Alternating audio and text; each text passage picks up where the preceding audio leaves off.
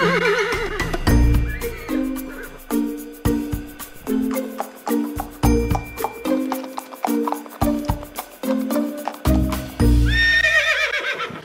jag säger kvarka så är det nog de ganska många här inne som eh, drar öronen åt sig och eh, får lite skräckblandad förtjusning tänkte jag säga, men utan förtjusning. Och det är det vi ska prata om idag. Jag har med mig Astrid Borg som är veterinär på riksanläggningen Flyinge. Hon är dessutom eh, föder upp lite hopphästar och pointrar för de som är sugna på det.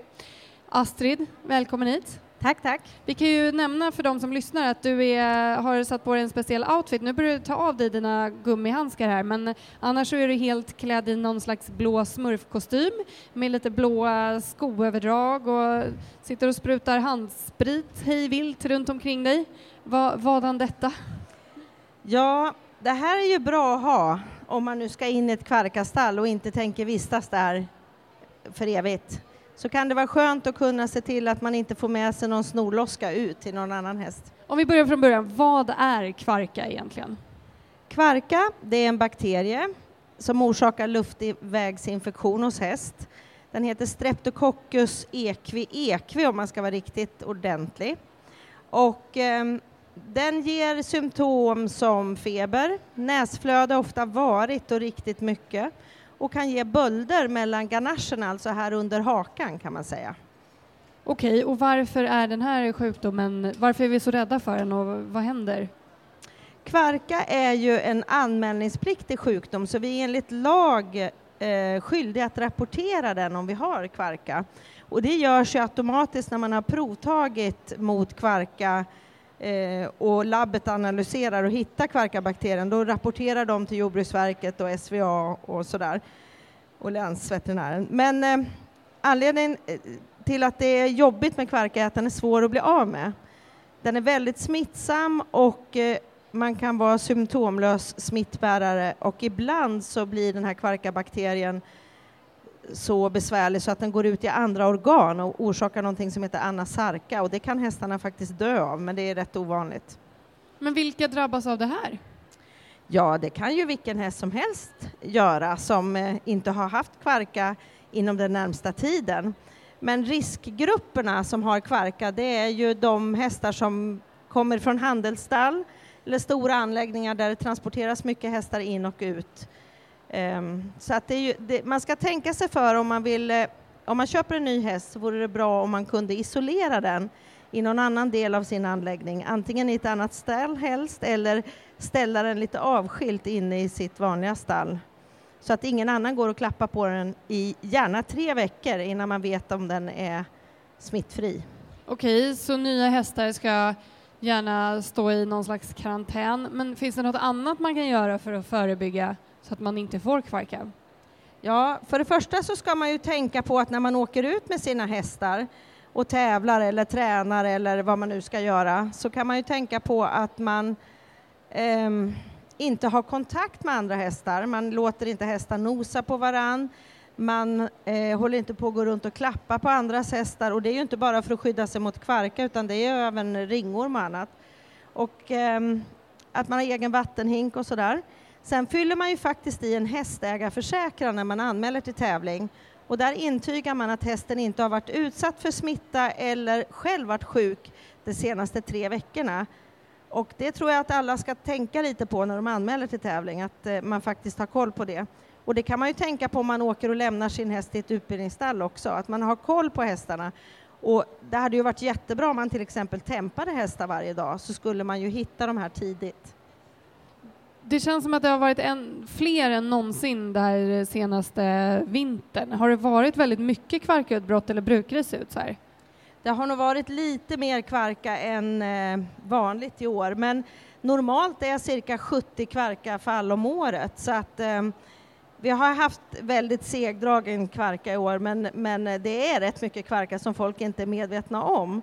Och om man vill veta hur, vart kvarkan befinner sig och vilka stall det finns så kan man ju gå in på smittinfo, både på travsport och via Ridsportförbundet och SVA.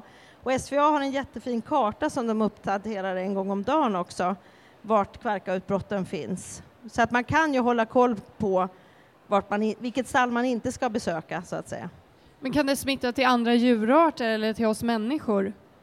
Nej, kvarka är ju egentligen väldigt eh, artspecifikt och gillar ju helst hästar. Ehm, det finns ju en kusin som heter Streptococcus equis epidemicus, men vi kallar den för Streptococcus epidemicus. Och den har man ju vid undantagsfall hittat hos någon nedsatt människa. Men i princip så smittar det ju inte till andra djur. Men däremot kan ju vi föra smittan vidare genom att vi har varit i kontakt med en häst som har snor på sig och vi tvättar inte händerna eller spritar dem inte. Så att det är jättebra med handtvål, sprit och handskar, det gillar jag om man ska hälsa på hästar. Hur vet man att ens hovslagare och tränare och andra som rör sig i många olika stall inte bär med sig smittan? De kan man ju inte direkt sätta i karantän, tänker jag. Nej, alltså både vi veterinärer och hovslagare och andra är ju de största smittspridarna. Nej, det hoppas jag verkligen inte. Men, men det är ju ett problem, särskilt för hovslagare som har grejer och skoförkläden som inte är särskilt lätta att sanera. Och det är ju verkligen någonting som man borde utveckla, ett skoförkläde som går att tvätta. Det hade ju hjälpt många. Och inte ha en massa fickor här som man stoppar ner skit i.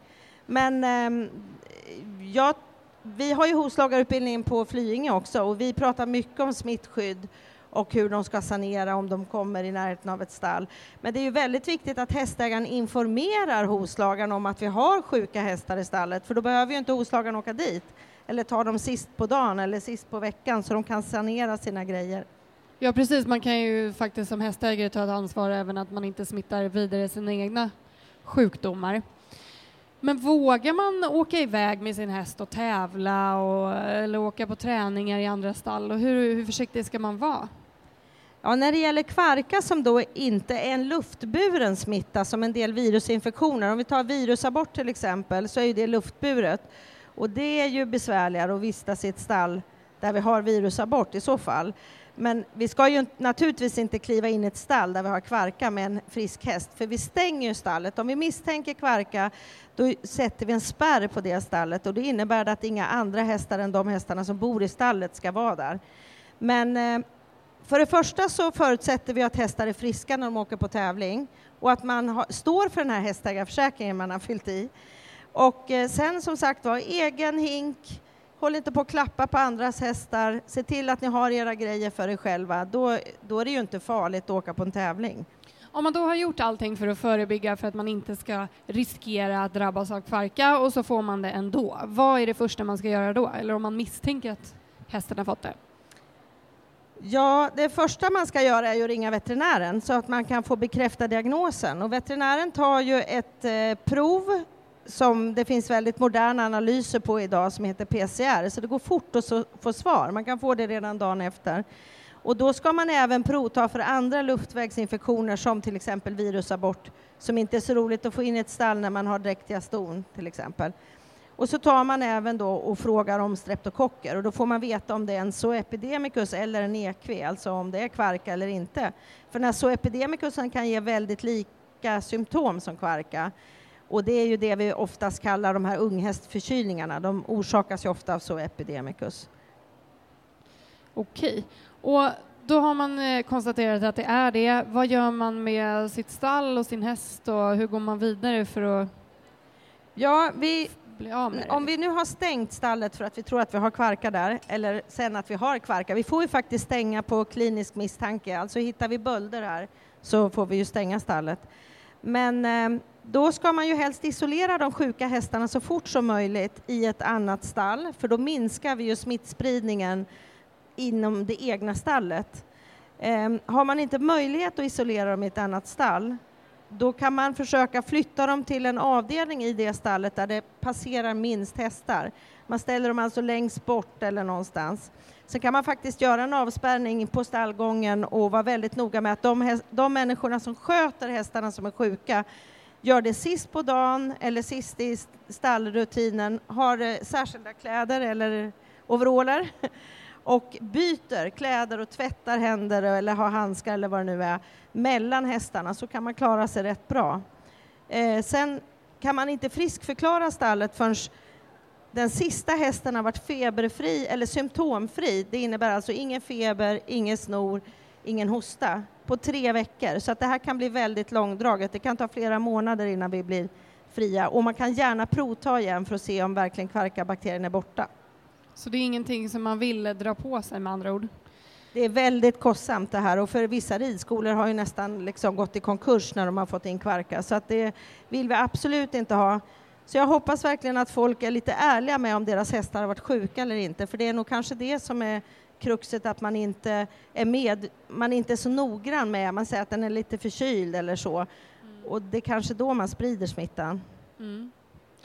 Har du, om man vill läsa på sig, läsa på mer om det här, hur eh, går man tillväga då? Ja, det finns ju jättebra information på till exempel Hästsverige, hastsverige.se där man kan, om man klickar på Veta mest, då får man till och med forskningsstudier och allt möjligt och länkar till både HNS som har en smittskyddspolicy och eh, väldigt bra dokument om kvarka. Även SVA har jättefin dokumentation så att det finns mycket att hämta och HNS har samlat, eller vad säger Hästsverige har samlat det här på sin hemsida. Så gå in där och leta efter kvarka kommer ni hitta jättemycket. Jättemycket smarrigt. Du Astrid, några sista hemgångsråd avslutningsvis för att eh, undvika kvarka? Ja, åk inte ut med hästar som är sjuka. Um, tänk på hygienen. Handhygien är ju jätteviktigt. Tvätta händerna och ha sprit med er så klarar ni er långt. Så blir det en trevlig kväll också. Tack så mycket Astrid. Tack, tack.